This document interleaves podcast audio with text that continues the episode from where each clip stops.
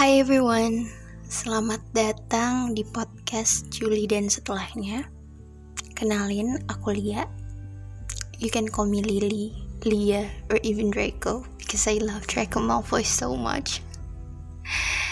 Back to the topic, um, podcast ini adalah podcast pertama yang aku bikin sendiri. Udah banyak rencana untuk bikin podcast sendiri sih, tapi keinginannya tuh baru datang baru-baru ini I guess it can be fun. Um, podcast Julie dan setelahnya pasti teman-teman jadi bertanya-tanya kenapa namanya Julie dan setelahnya. Actually, Julie dan setelahnya adalah nama dari salah satu buku novel Wattpad terkenal.